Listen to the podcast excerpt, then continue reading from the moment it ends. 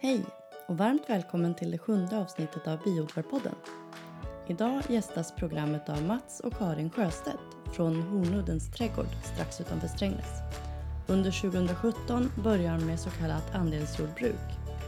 Hornuddens chilisås har vunnit pris i programmet Sveriges skönaste gårdar. Deras tomater är lokalkändisar och deras trädgårdscafé har utnämnts i White Guide som ett av Sveriges bästa.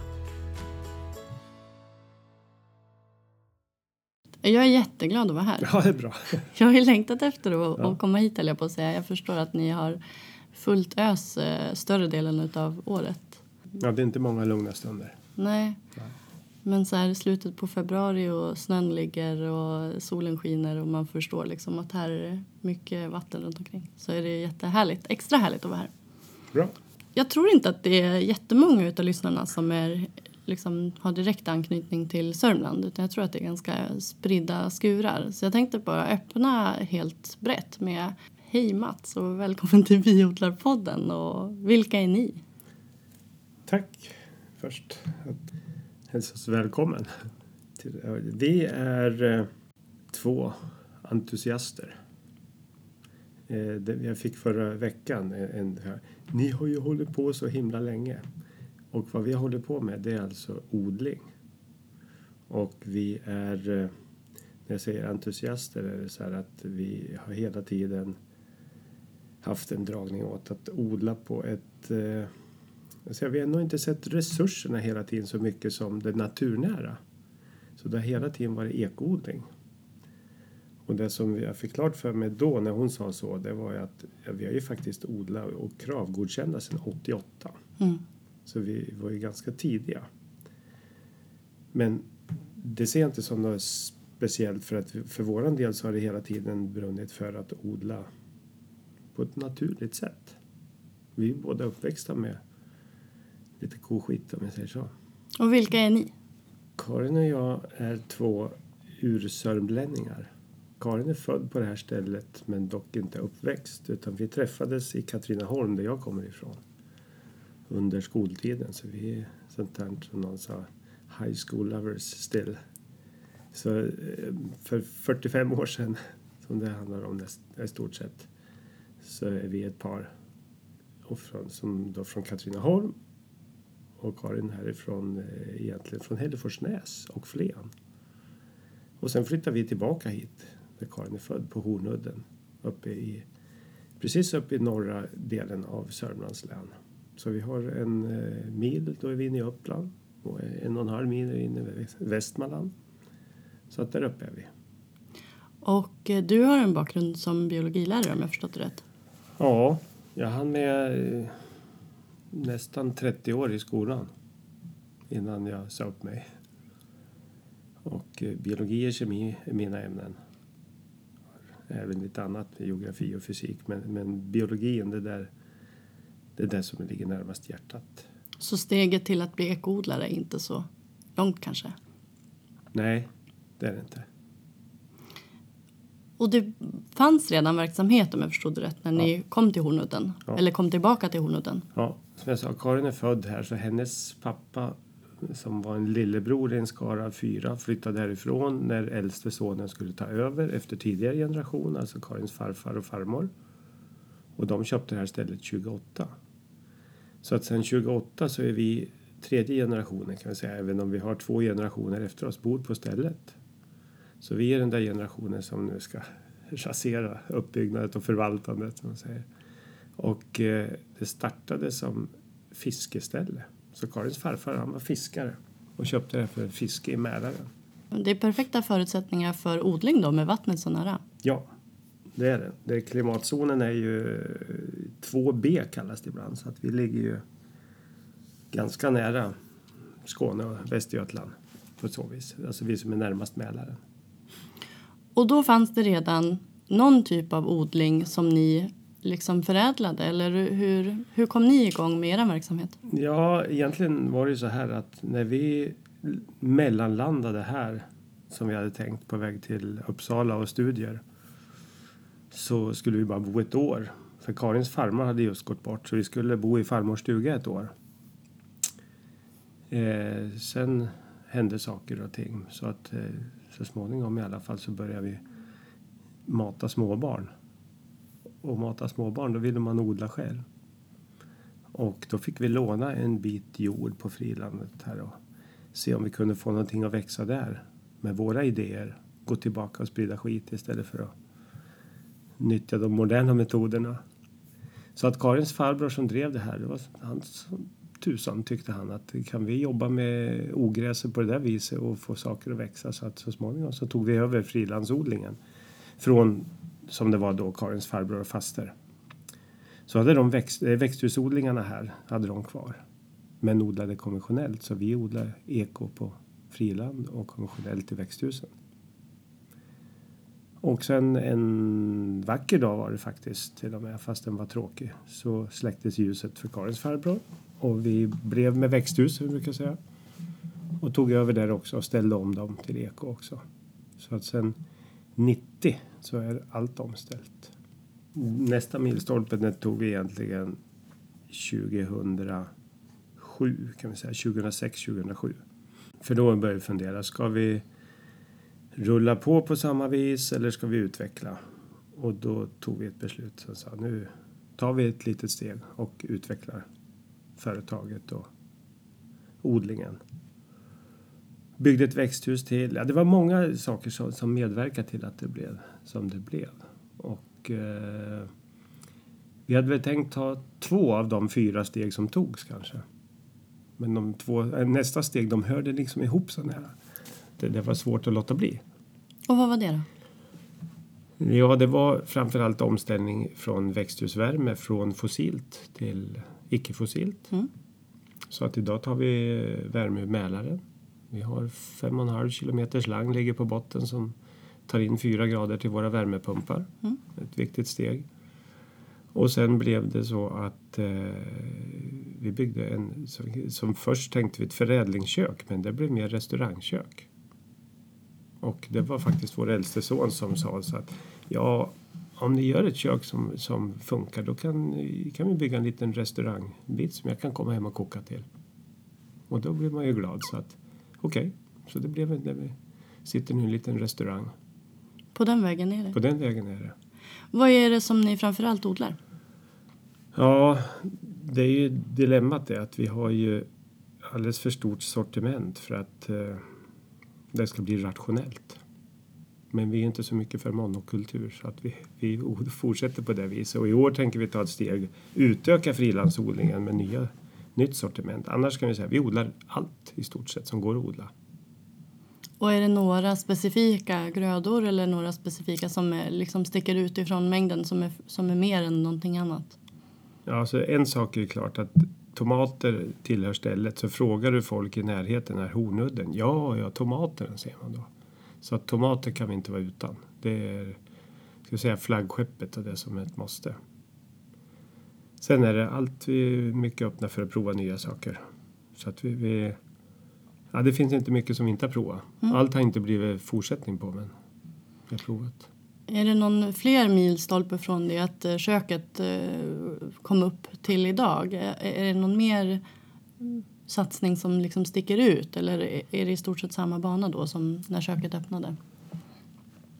Ja, det är det i stort sett. Ja, egentligen kan vi säga att för två år sedan hade vi tänkt att nu ska vi göra ett lyft. För då liksom hade det rullat på och vi kände att någonting behöver göras. Så då eh, satsade vi lite mer och anställde tre unga friska krafter till kök och restaurang och trädgård. Men efter två år så ser vi att det blev inte det lyftet som vi hade tänkt. Så att nu börjar vi om lite grann. Så som Karin säger, nu börjar vi om och gör rätt. Mm. Så att, eh, ja, i hopp om att vi skulle ta ett rejält lyft så blev det istället ett steg tillbaka och nu går vi i en annan riktning. Vill du berätta lite om den riktningen? Ja, det är framförallt eh, ett, ett sätt som vi har tittat på många, många år som kommer egentligen från Japan från början. Japan och Schweiz, men det har utvecklats i västerut, i USA och England, som heter CSA. Och det står för? Det står för Community Supported Agriculture, alltså andelsjordbruk. Fast jag tycker, jag, jag, pratar lite tyska så jag tycker tyska ordet är så himla bra. Det heter solidarische Landwirtschaft. Alltså det har någonting med solidaritet att göra.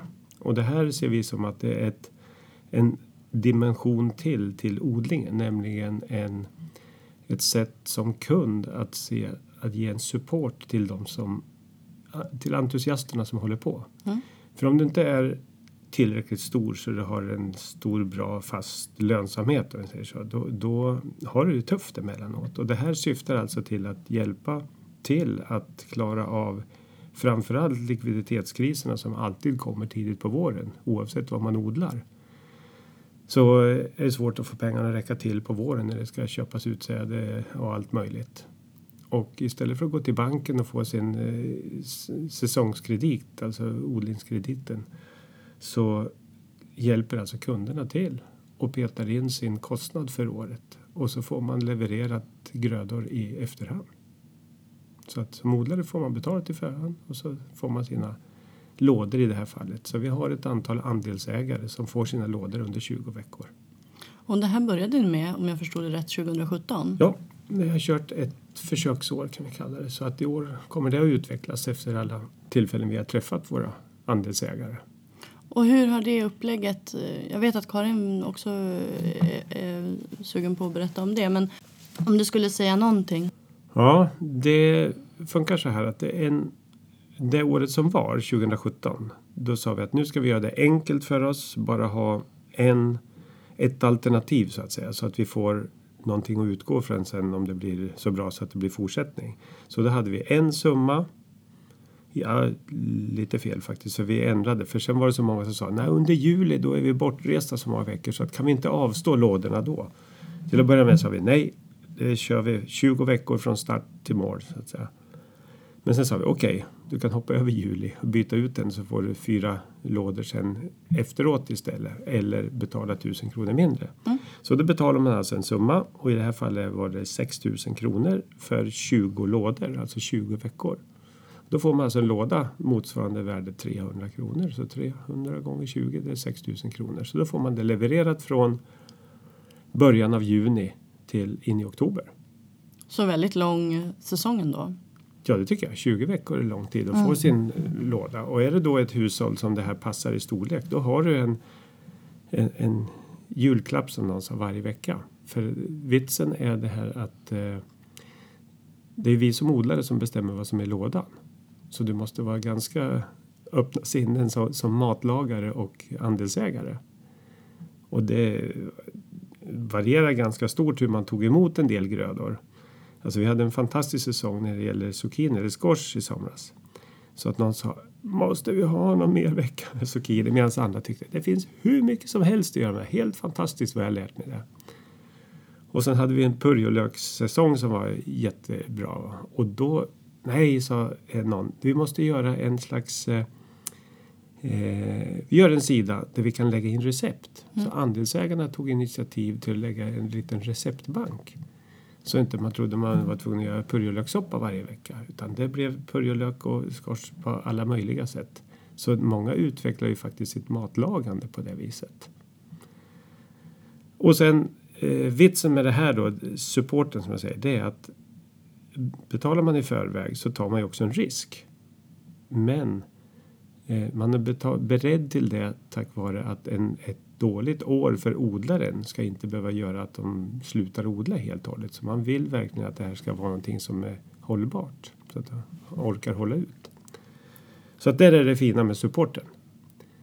Har man fått eh, någonting att säga till om vad man vill få i lådorna? Eller är det, är det eh, verkligen överraskning? Nej då. Det, ja, alltså till att börja med var det överraskning. För då sa vi att första året måste vi, måste vi känna hur vi utifrån odlingsperspektivet hur det ser ut. Men nu har vi jättehärliga diskussioner och det finns önskemål. Det är därför jag sa att vi kommer öka ut sortimentet. Och det är ju så där att visar du på riktigt positiva sidor utifrån som andelsägare så lyssnar man ju så gärna på möjligheter att utveckla det. Och det fina med att vi kan ju provodla saker och vi vet att även om du bara får fram lite granna av det och alltihopa så är det sålt och levererat. Vi behöver inte försöka sälja det sen utan då, det finns en, en mottagare när vi skickar iväg det. Det är det som är riktigt läckert. Så det är det som är tanken med att Alltså drömmen för oss det är egentligen att allt vi odlar är sålt innan. Mm. Vilken, vilken möjlighet. Det spelar ingen roll vad vi, vad vi planterar, vad vi sår där ute. Det är sålt. Det finns en mottagare till det. För normala är ju då att vad ska vi odla? Då tittar vi på våra förutsättningar och sen när vi skördar det så det är ju inte förrän vi skördar som vi vet vad vi har att sälja och då ska man leta reda på om man inte har en köpare redan. Och det är den situationen som är lite tuff. Då kan man ju handla ett läge där man måste sälja det till ett lägre pris än vad man behöver och i värsta fall någon som inte, att det inte finns någon som vill köpa det. Jag tänker dels precis utifrån spillet men också eh, glädjen att odla igen kanske. Mm, det är det. Och just det som du nämnde nu, spillet, svinnet pratar man matsvinnet. Mm. Matsvinnet på åkern har man ju pratat om hur stort det är. Det är ingen risk här. Alltså det som är fina med att ha ett eget kök det är att den bästa marmeladen blir på de knöliga tomaterna. brukar jag säga skoja. För att vi behöver ju inte, om vi inte glömmer bort något kilo tomater någonstans, behöver vi inte slänga en enda tomat. Allting går ju att laga mat på. Och det är likadant här. Det som efterfrågades det senaste andelsmöte vi hade det var alltså kan vi inte få fler tillfällen att köpa eh, andra sorteringstomater? För då hade vi en grej i somras där man, när vi hade ganska mycket och inte hann med mitt under högsäsong. Vi hade mycket mogna och lite ja, andra sorteringstomater. Då gick vi ut med ett erbjudande. Du kan köpa 5 kilo eh, andra sorteringstomater tillsammans med 2 hekto basilika och en vitlök. Så kan du göra din tomatsås egen och förbereda vintern. Liksom. Och det är så uppskattat. Och det tror jag är dubbelt. Man, dels så känner man att man hjälper till och eh, minska svinnet och man får en möjlighet att och, och liksom laga bra mat för den ekorrtiden när man ska lägga i, i lager. Om du skulle sätta en persona på era andelsägare, hur, hur, ser, eran, hur ser er kundgrupp ut? Ja, det har vi fascinerats av flera gånger, vilken variation vi har. Så det, det klarar jag inte riktigt. Men det är framförallt eh, personer som Eh, i närheten, närområdet? Ja, ja, ja, det går ut på. För att det är ju, nästa bit är ju att det ska vara smidigt leverans. Så att vi, vi alltså åker som längst just nu eh, tre mil till Mariefred. Där har vi ett utlämningsställe hemma hos en av andelsägarna i ett garage. Ställer vi dit 12 stycken tror jag det är.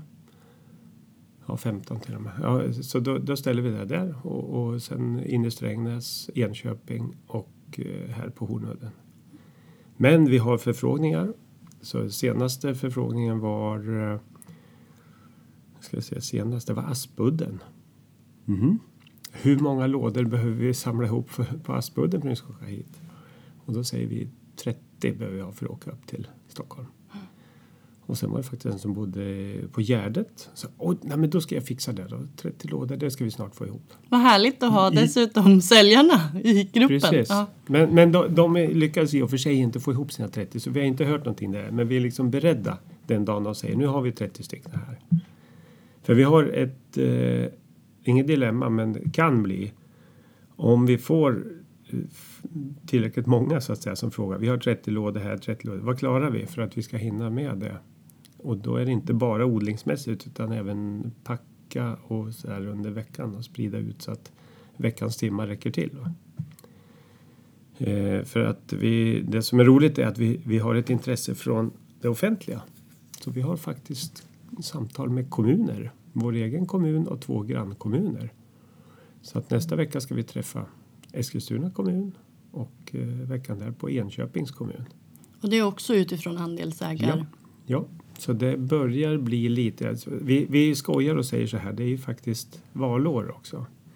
Så det, det är ju lite opportunt också nu att se till så att man har att man gör någonting för det lokala och ekologiska. För jag menar, det finns ju en livsmedelsstrategi nu. Mm. Och den, i den så finns det ju saker som skulle gynna kommuner att, att utnyttja det lokala och livsmedelsförsörjningen på nära håll. Så att eh, det är jätteroligt. Och Strängnäs kommun har vi faktiskt nu, ska vi in och teckna ett avtal nästa vecka. Så de, de går in här. Vad häftigt. Mm. Och jag tänker också hur ni kan utveckla er verksamhet med som du säger den här tryggheten och glädjen i att vi vet att det blir sålt. Vi vet att, mm. eh, att vi är eftertraktade och att ni också får inputen på vad kunderna vill ha. Inte bara när de står och tittar på skörden utan redan tidigt. Mm. Mm.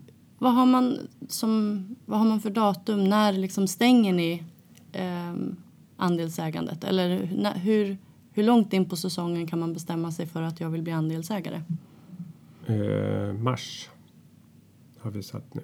Och som det ser ut i år nu har det varit, är det sån... Eh, ja, vi sa troligtvis kommer vi behöva stänga för att ha eh, koll på läget. För att nu är det dags att beställa utsäde också och veta hur mycket vi ska eh, så. Alltså purjolöken sår vi nu i februari. Hur mycket purjolök ska vi så och hur mycket av det som selleri och alltihopa för att få ihop till lådorna. Så att odlingen kommer mer och mer bli inriktad på att se hur många andelar det ska räcka på istället för hur många rader som passar på åkern. Om vi säger så. Vilket spännande pussel. Ja, det är riktigt spännande. Det värsta är att nu är det jag som ska ansvara för att det ska räcka till så att det är spännande på flera sätt. Man pratar ju ofta om inifrån och ut och utifrån och in. Det här är ju ett klockrent exempel på utifrån och in. Ja, det är det. Det är riktigt, riktigt häftigt. Och det är nytt för oss och det känns jätteskojigt. Och det som du sa när det gäller åldrar förut eh, också bland andelsägarna. Det, det är det som är så häftigt för här har vi alltså spannet från ja, 40 års spann. Och det är lik, samma entusiasm. För det funderade jag också på. Nu eh, sa du det att ni fick mycket purjolök och ni fick mycket squash. Men vad är lärdomarna från det här prov prövåret 2017 som, som första år? Eh, framförallt det är inte så mycket grödorna utan mer upplägget. För att tanken är ju att det ska vara en support och eh, ekonomin är ju viktig för alla på olika sätt. Och det har funnits önskemål att inte behöva lägga ut alltihopa på en gång. Så vi har till exempel gått ut med en möjlighet att dela upp betalningen. Och även prova på lådor. Och där är idéer som vi faktiskt fick eh, när vi besökte en CSA-bonde på en, en, en, utflykt vi gjorde till andra sidan Atlanten. De som har hållit på i tio år. Och då det, kan man ju gott och väl ta lärdom av deras erfarenhet. Så att där har vi kopierat en del faktiskt som, som har fallit väl ut och fått positivt mottagande att hindret eller tröskeln blir större när man ser hur mycket pengar det är i en klump. Ja, det är det. Så mm. att det, eh, det har vi fått klart för oss. Alltså, utan att ha insyn i privatekonomi så där så vet man inte hur, hur tufft är det. Ska man, och särskilt då eftersom det här är en av bitarna är att det ska in tidigt på året för att hjälpa oss att säga. Det är ju också, du vet, vad man säger, januari, februari, fattig Sverige då lite grann. Då har man, då är det svacka för, även, även på privatsidan utan att vara odlare. Så att eh, mm, där har vi nog tänkt om lite grann för att vi vill att det ska liksom vara en win-win verkligen. Ja, vad spännande. Mm. Jag tänker också på det här skiftet som ni har gjort från att vara ganska småskaliga, från att ha gjort den här frilansodlingen till att sen ta över växthusen. Och hur, hur, hur behåller ni småskaligheten när ni växlar upp? Ja, det är egentligen inte svårigheten hos oss. För att för oss handlar det om eh, kontroll och överblick på vad man har. Alltså att kunna värna om kvaliteten fortfarande. Det, där, är, där tycker jag det viktigaste. Men man har ju olika bild av småskalighet som kund. Jag vet att Sörgården är ju det är det man ser framför sig. Alltså idyllen sådär. Och då är det ju så att där är ju frid och fröjd och lugn och ro hela tiden. Men odlingssammanhang med skörd och alltihopa så kan det bli perioder där det är ganska tufft att få tiden att räcka till. Jag ska säga, en viss stress, om jag säger så. Och jag tror att för många så, så bara det att komma hit och känna att vi inte har den tiden för allting. Där, där tror jag en del en dels gräns är nådd för vad småskaligt är. Och det är det inte för oss utan vi ser fortfarande produkten och, och sättet att framställa det. Så att eh, jag tror det är definitionen av småskalighet som är en, en av bekymret. Sista frågan egentligen kring, kring andelsägandet nu är, skulle ni säga att det lönar sig? Kom igen om ett år. Mm. Då, för att nu är det ju så spännande. Eh, vi tar ju ett steg mer mot CSA, alltså riktning CSA istället för vårt gängse sätt att leverera och odla. Så att, och, och plus att vi eh, vet var vi börjar och vi kommer att lägga upp annat kontosystem liksom och alltihopa. Så att vi, kom, vi kommer att vi kommer att för, försöka göra det så tydligt så att vi kan svara vederhäftigt på frågan. Mm. Så att eh, om ett år då, då, ska, då, då ska jag kunna ge ett klarare svar och peka liksom på siffra. Det här tillhör det. För att nu flyter ju verksamheterna i varandra. Nu är CSA liksom en del i det hela men det kommer att bli viktigare del. Jag tror att många utav biodlarpodden-lyssnarna undrar också så här, men vad tusan har eh, växtodling med, med, eh, med en biodlarpodd att göra? Men jag tycker att det är ett jättelitet kliv åt sidan. Eh, Att hela poängen med odling är ju också hur pollineringen går till. Så jag tänkte gå in på det spåret. Mm. Eh, vilka pollinerare skulle ni säga att ni har här framför allt? Jag vet ju det. Pollinerare har man ju många fler än vad man tror. Men de vi har medverkat till och, och, och styrt viljemässigt det är bin, alltså tambin och eh, humlor.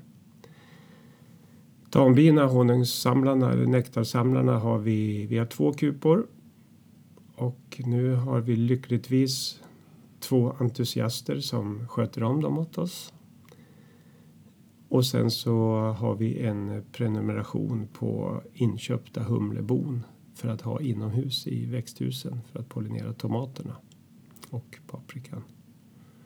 Så att vi har en utomhus och inomhus huvudsaklig pollinerare. Men sen, sen vet vi att det är många som hjälper till. Och om man är odlare så tänker jag att humlorna, det är kanske inte så konstigt. Men för gemene man, vad innebär... Berätta hur det funkar med de här växthushumlorna. Mm. Det som skiljer bin och humlor är ju att de har lite olika matbehov. Bina är ju, du vet, det är nektar som är intressant och så släpper de med lite pollen medan humlorna är tvärtom. De, det är pollen som är intressant. Och därför är de ju fantastiska pollinerare i pollenrika blommor. Och tomater har ju just inget nektar att hämta så att bina är ju helt ointresserade av tomatblommor. Medan humlorna är väldigt intresserade. Och humlorna är dessutom, precis som bina, alltså botrogna. Så att det där boet som du ställer in i ett växthus håller de sig till om de inte av misstag kryper ut någon gång och blir utestängda. Så att eh, det är tack vare att tomatplantorna eller tomatblommorna är så nektarfattiga så man behöver en som, en, en som är mer intresserad av pollen än nektar.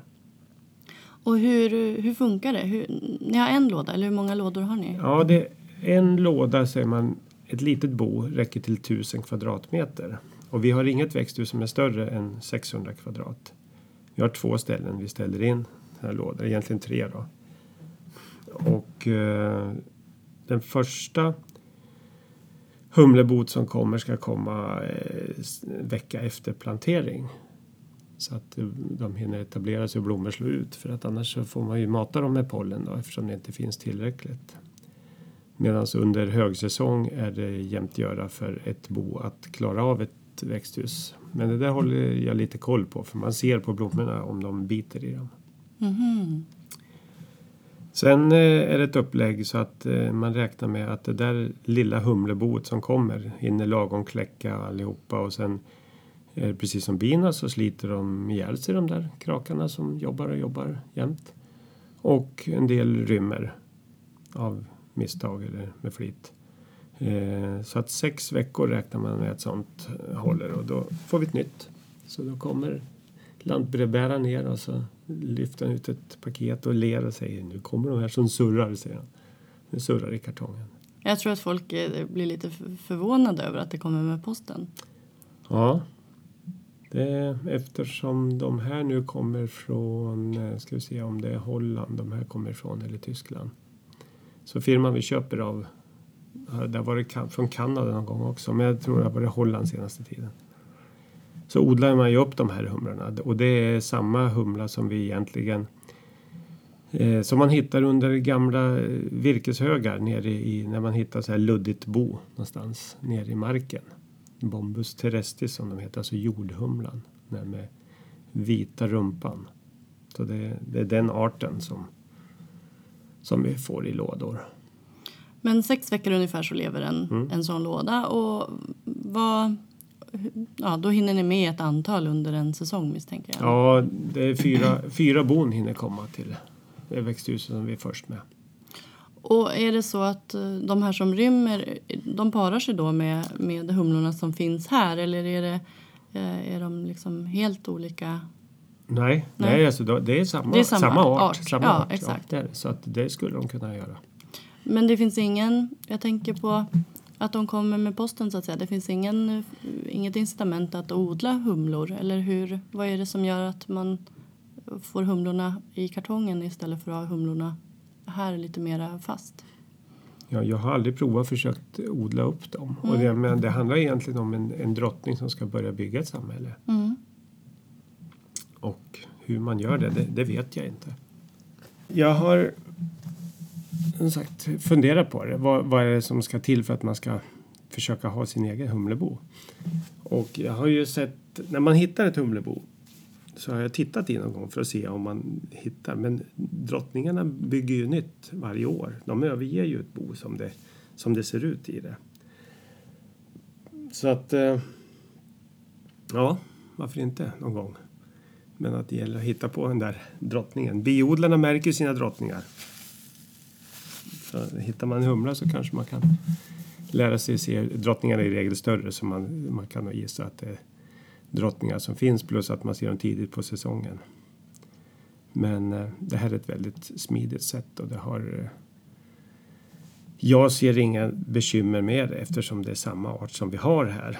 För jag vet ju att det har varit synpunkter, jag har fått frågan någon gång om eh, risker med det. Men alltså, är det samma art så är det genuppsättningen så pass lika så att en viss genetisk skillnad får du även om de flyger lite. Så att eh, jag, jag, ser inga risker med det på det viset. För det var det som det är det enda jag har hört som, som kritik mot det. Jag är mer nyfiken. Jag tror att för det första inte att jag tror inte att det är så många som vet att det är skillnad på pollinering inomhus och utomhus. Och jag tänker också om du ser någon konflikt mellan att ha eh, ja, men ert kretslopp och det ekologiska tänket och att det kommer då ja, eh, humlor med posten så att säga. Mm. Nej, det, jag ser ingen stor konflikt. Alltså jag ser ju drömscenariot är att man kan lösa allting inom, inom enheten. Och vi har ju gjort ganska stora investeringar för att ha framförallt näringsämnen cirkulera. Men det är fortfarande en import av näringsämnen till odlingen. Det är det ju. Så länge vi inte har djur. För jag menar, det ha lagorn, ha fåren, ha höns. Ja, visst. Mm. Men eh, då skulle vi ha... Då är vi där vid Sörgården och dröm, drömmen för att liksom cirkulera näringsämnen och kunna ha alltihopa. Men eh, jag undrar hur det där skulle se ut företagsmässigt och lönsamhetsmässigt. Kanske nästa steg, andelslagården. Mm. Åka och hämta sin gödsel och den, jag vet inte av att den finns. Det finns andelsjordbruk eh, köttinriktat. Det gör det. Men då skulle man komplettera det med mjölk förstås. Ja, eller komplettera köttet med skiten till Ja, ja, ja just det. Just det. För då, då sant. Ja, det kanske man till och med får på köpet. en liten det, jag, jag hakar på. Bara någon kan hjälpa mig räkna lite grann på det och se hur det skulle se ut rent företagsmässigt. För att eh, det finns en anledning varför små enheter lägger ner. Ni har ju, som du sa, bikuper. Är det den honungen också som ni säljer i butiken? Ja, vi säljer faktiskt eh, den och eh, de som sköter det här, de har även egen bigård på andra sidan Strängnäs. Så vi har deras honung också, för vi säljer mer än vad vi kan få fram här. Så vi har riktigt bra försäljning med honung. Men, men våran honung här är ju så himla god. ja, det, det är, och de som gör den här de är fascinerade över att det kan vara så mycket mintsmak i när vi inte har lind här. Men nej, det måste vara klöver ni har ute. Det måste vara det. Ja, så att vi, vi har faktiskt de som säger det, det var den godaste honung. Har ni haft smör i den? Frågan också för att konsistensen? Nej, den är jättehärlig. Vad, vad fantastiskt också att ha den här rika variationen. Jag tänker att den, det måste vara väldigt speciellt att man kanske skördar, eh, skördar honungen tidigare eller skördar med mer frekvens för att få Även om det inte är mm. monokultur men att få lite mera specifika smaker. Mm. Mm. Och det som har styrt det här nu det har inte bara varit för att få speciella grödor, nektar så utan det har varit de är så duktiga att dra. Fantastiska samhällen så de har, de har lyckats fylla de där lådorna. Sen har det blivit som det har blivit. Kanske få intervjua dem också då med vad de har för, ja. eh, för raser. Ja. Vill du prata om eh, om jag skulle vilja göra någonting andelsägande med min bigård eller jag som biodlare eller vill du, vill du lämna över till Karin det eller hur? Nej, men det är väl bra om Karin tycker jag. Mm. Men då gör vi så tycker jag. Hej Karin! Vem är du? Ny för lyssnarna. Jag är gift med Mats och har varit det i snart 40 år. Och vi driver Hornudens trädgård tillsammans.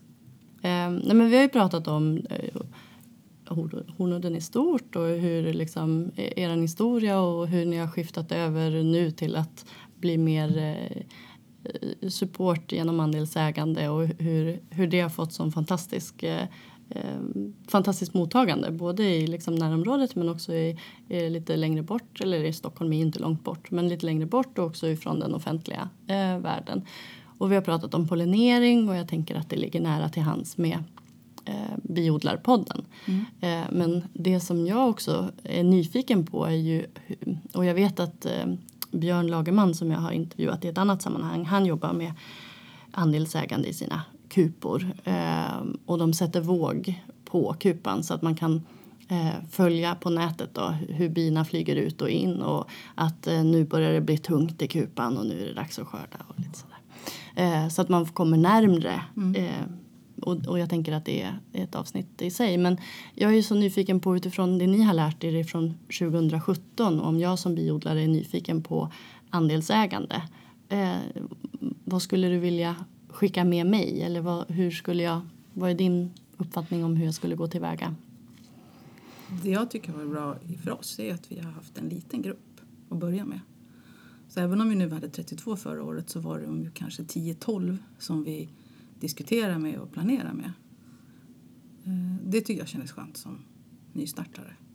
Och det märker vi också när vi hade utvärderingen i höstas. Det var ju mest de som hade varit med i gruppen, i gruppen första som kom och kom med feedback. Och vad man brukar säga, den negativa feedbacken är viktigast. Eh, att säga att allting är bra, det, det klarar alla att göra. Men nu var det inte så att det var mycket negativt men det kom ändå konst, mer konstruktiva idéer tydliga. Men det här vill vi ha till nästa gång och det här vill vi ha. Så det tycker jag är en viktig grej att inte börja med 40 utan ha en liten tajt grupp. Sen det här andelsägandet, ur mitt perspektiv, det är ju en pedagogisk grej också. För just det här går man in i biodlar svängen som andelsägare och det är ett regnigt och vått år och du inte får mer än två burkar var. För då, men du har ju ändå betalat. Men då får man hoppas på nästa år att det kanske blir 50 burkar var och då blir problemet hur ska vi få avsättning istället. För det kan, det kan jag tro kan vara en utmaning också då när, när det blir jättemycket honung så att andelsägarna inte, jag vill inte ha så här mycket honung. Hur gör vi då? Köper vi in ny utrustning som gynnar alla eller eller bidrar med en plattform tänker jag för hur man kan sälja dem då. Ja. Att de får sin avans. Mm. Mm. Ja, men det, är det, som, och det, det, är den, det är det som jag tycker skulle vara roliga att se. Liksom. Oj, vi fick, vi fick så här mycket, fick tre gånger så mycket. Hur gör vi bra business på det här? Just det. Det är ju superintressant. Den aspekten har jag inte tänkt på. Nej. Utan snarare risken att det är som att köpa en trisslott mm. lite grann. Mm. Men precis som du säger, lyxproblemet. Mm. För det vill man ju ha. När man har ledsnat på purjolöken och vill känna sig en hacka. ja, ja. Men det är inte lika lätt när det är grönsaker. Men honung som håller sig hur länge som helst, det kan du ju göra en sån grej. Just det. Vad mer, vi var inne på att jordbruk är stort, men eh, vad mer, eh, vad mer ser ni att ni, man skulle kunna applicera andelsägande på? Jag tror man kan göra det på det mesta. Fast kanske inte hela verksamheten. Men att han har, som för våran del då. Jag menar ett bageri kan säkert också köra andelsägande med att man betalar in en viss mängd i början på året så att det finns till inköp och sånt. Och sen får man sitt bröd varje vecka. Behöver inte bekymra sig. Min spaning är ju att man går tillbaka till liksom back to the roots. Eh, och det känns ju som att det här är det moderna sättet att, att göra det på. Man vill, man vill ha Sörgården men man vill, inte, man vill inte komma ifrån det livet man har, det bekväma livet man har kanske eller att ha idéer för hur det skulle kunna förädlas men vill inte vara den som står och rensar i rabatterna. Eller, mm. Så det är väl lite så, som en beredskapsgrej pratar man ju mycket om också. Men ja, det kanske ni har pratat om. Jag har ju faktiskt en andelsägare som förra året gick med. Nej, men jag vill ju vara garderad och få grönsaker om det smäller. Han såg det som en viktig bit i det, att försäkra sig om att få schyssta grejer när inte transporterna går längre. Jättespännande aspekt. Mm. Men eh, det är också därför som jag tycker att det är extra spännande att träffa er. För att det känns som att ni är så i framkant. Alltså att ni har... Jordbruk är ju liksom från tidernas begynnelse men det känns som att ni har verkligen förädlat inte bara för er verksamhet utan också konceptet. Mm. Jo, vi vill ju ligga i framkant. Det är en, en sporre. Ja, precis. Vad, eh, vad mer ser ni ligger framåt? Vad, vad ligger framåt för, för er och för Hornudden och vad, vad kommer vara ert fokus den närmsta, den närmsta tiden eller det som ni strävar fram mot? Vi tror ju att CSA-modellen kommer att bli större del av verksamheten. Vi kommer fortfarande ha öppet på sommaren med café och butik men inte lika länge. Kort, mer komprimerat. Eh, och sen fokusera mer på odlingen. Odlingen och våra andelsägare som nu när vi startar och kör igång en vårlåda till exempel. När vi bara säljer grönt och sallad under det tidiga, alltså primörerna i en låda. Den tror jag kommer att bli stor på sikt.